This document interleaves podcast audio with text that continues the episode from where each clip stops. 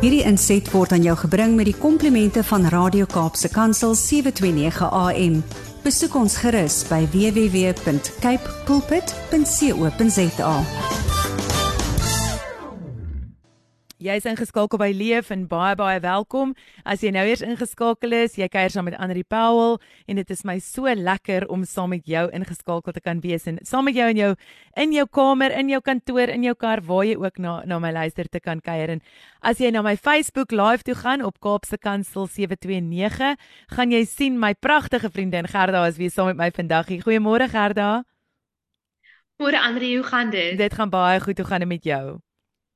Baie goed, dankie. Ja, sy is lekker om op 'n Zoom saam met jou te kuier en ehm um, gewoonlik is jou insetsel so waardevol, maar dit is my altyd lekker om saam met jou te kan kuier en dan sommer net lekker jou gesig te kan sien en sommer net ook te kan hoor en te kan sien hoe passievol jy is oor dit wat jy doen. Nou vir die luisteraar wat nie weet nie wat vir die eerste keer ingeskakel is by ons, Gerda is ehm um, Gerda Kriel, ek is 'n kliniese sielkundige en sy is woonbaar in Somerset, Somerset Wes en sy glo aan 'n holistiese benadering vir kinders en volwassenes en om sommer net almal se harte en se lewens beter te maak. En ons begin vandag 'n nuwe reeks, Gerda. Yes. So ons het um regtig gevoel einde van die jaar mense is moeg en mense het 'n bietjie weer 'n inspuiting nodig van iets wat positief is.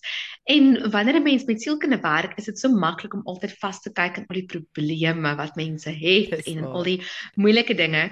Maar ek het besef dat ons regtig hierdie tyd kan gebruik aan die einde van die jaar om mense 'n bietjie oor positiewe goed in die sielkunde te kan equip.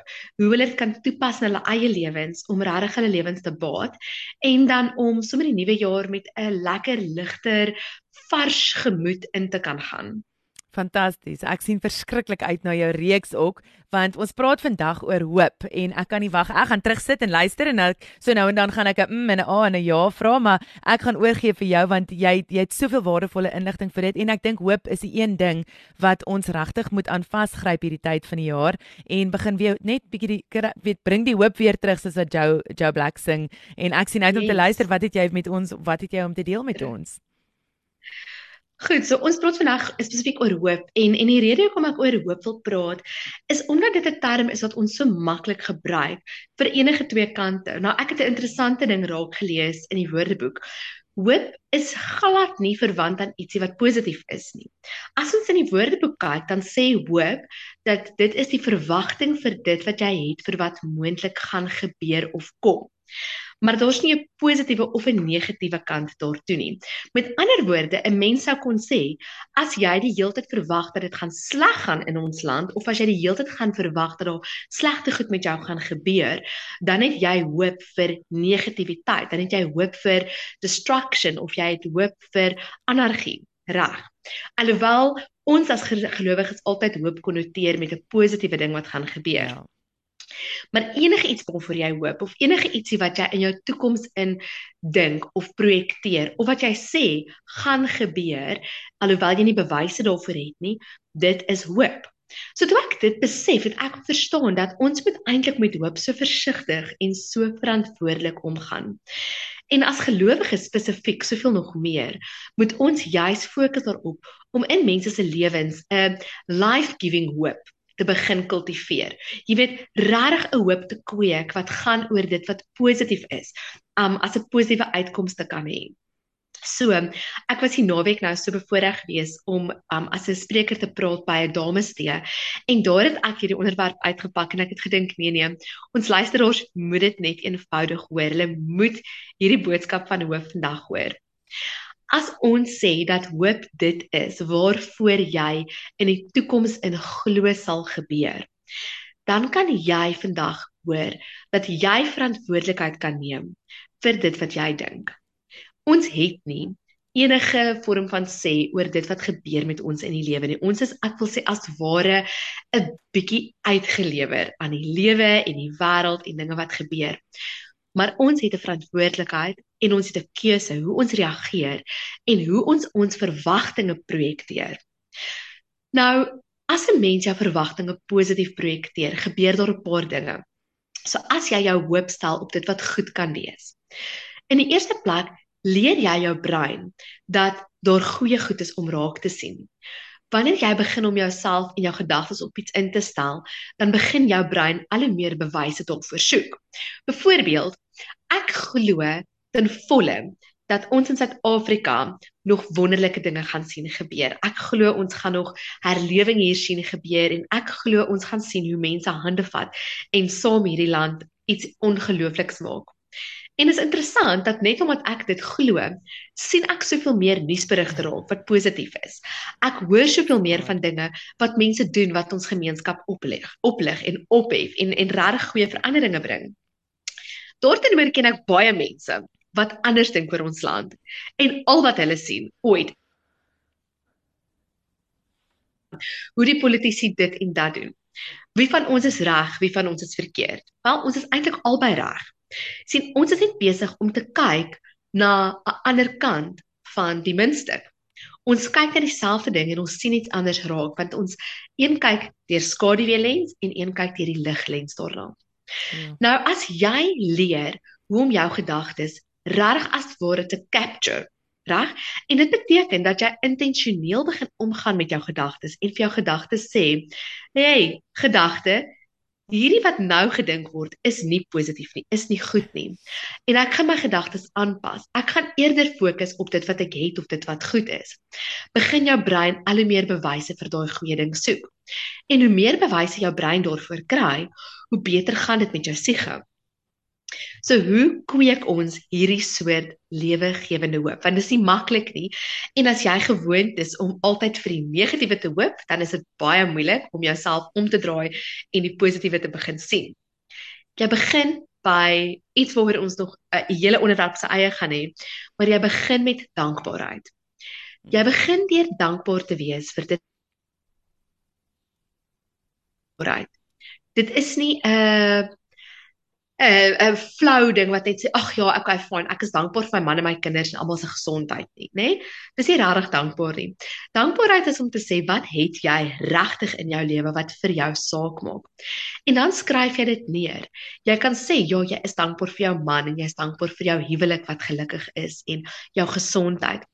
En so begin jy joernaal te hou daarvan. En ek wil eintlik ons luisteraars uitdaag om elke dag een ding te skryf waarvoor jy dankbaar is. En elke dag 'n ander ding. Doen dit vir 'n maand lank. Kyk hoe jy 'n lys van 30 dinge gaan kry waarvoor jy dankbaar is. Maar meer belangrik as dit, begin opmerk hoe jou uitkyk op die lewe begin verander. Die tweede manier hoe ons hierdie hoop kultiveer in ons samelewing is deur raak te sien wat ons gifting is. Wat is jou geskenke? Wat is jou talente? Ons almal het van hulle. Die Here het hulle vir ons gegee tot die opbou van die gemeente, tot die opbou van die gemeenskap en die samelewing en ook tot sy eer. En as jy jou geskenke begin raak sien en begin uitleef sonder om jou jou net te vergelyk met jou vriendesin of met enigiemand anders in, gaan jy regtig tot werklik begin voel hoe jy meer wil doen.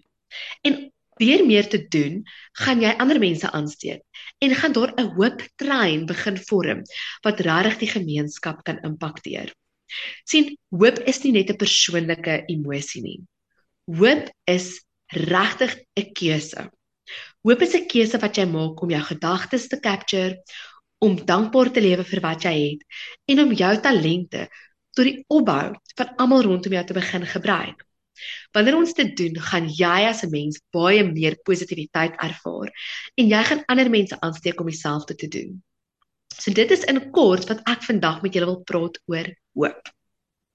Dit is fantasties, Gerda. Ja, en dit wat jy nou sê, my ek ek is eintlik ek sit hier en ek maak notas van dit is dit is presies wat jy sê dit is die uitkyk op die lewe en jy dink hoop is iets wat net weet ek hoop ek hoop dit gaan beter gaan ek hoop dit gaan goed kom maar eintlik is dit 'n projeksie wat jy het op al die positiewe of negatiewe goed. En dit dit het my eintlik half so half terug laat staan toe jy sê 'n persoon wat negatief is oor die lewe dit is nie dit is nie verkeerd nie maar dis hulle hoop.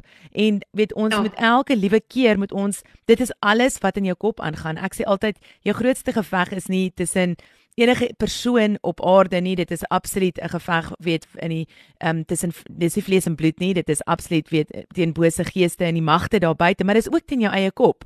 Dit wat jy dink elke dag en en as jy daai goedjies wat jy dink begin spreek dis wanneer die duiwel eers hou vat kans op dit kan kry want solank as wat dit in jou gedagte gedagtes is die duiwel kan nie jou gedagtes lees nie maar hy kan wel die woorde wat jy daarna spreek kan hy vat en dan dit gebruik om weet jy Achilles heel te word. Jy dit is ja ongelooflik en dit is my so positief om te kyk hoe ons net hierdie reeks ook kan vat om net regtig ons luisteraar daar buite te sê kom ons kyk bietjie anders te. Kom ons begin positiewe hoop kry. Dalk moet ons van positiewe hoop en nie net hoop begin praat nie. En um, dan daai een een ding 'n dag ek gaan myself definitief verantwoordelik hou vir dit en ek wil vir die luisteraar daar buite sê kom ons kry 'n pen en papier en ons begin skryf een ding 'n dag waarvoor ons dankbaar is wat ons net kan voor dankie sê en regtig intentioneel kan voor dankie sê en ons uitkyk kan begin verander. Dan kyk ons hoe gaan dit na 30 dae ek gaan ek gaan definitief julle verantwoordelik hou daarvoor en of julle sê ek daag julle uit om dit saam met my elke dag een dingetjie neer te skryf.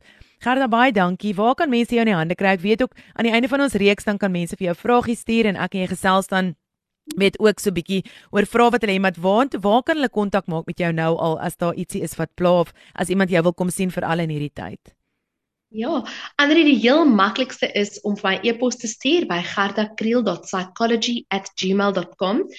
Die rede is maar net ek konsulteer heeldag en ek antwoord nie my foon nie. So, um ek het 'n ontvangsdame en jy kan deur haar ook werk, maar die maklikste is om vir my sommer direk 'n e-pos te stuur en dan sal ek na jou toe terugkom. Dis fantasties. gerdakriel@psychology.com. Sy is daar by die Helderberg in Somerset West en ja, dit is my so lekker om met jou te gesels en dankie vir jou tyd en jou insig wat jy elke keer vir my en die luisteraars bring.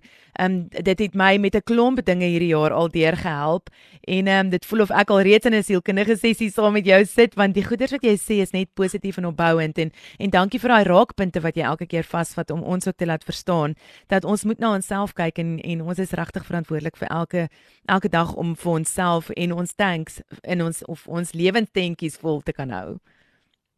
Fantasties. Dit is 'n groot plesier Andri. Mag jy regtig 'n geseënde week hê ook. En daar waar jy agter die mikrofoon sit, mag jou woorde regtig in mense se harte in tref hierdie week. Vreeslik dankie Gerda. Ek vat dit en ek waardeer dit en jy moet ook 'n lekker weekie ons praat volgende week. Dankie Andri, totsiens. Dankie, totsiens. Hierdie inset was aan jou gebring met die komplimente van Radio Kaapse Kansel 729 AM. Besoek ons gerus by www.cape pulpit.co.za.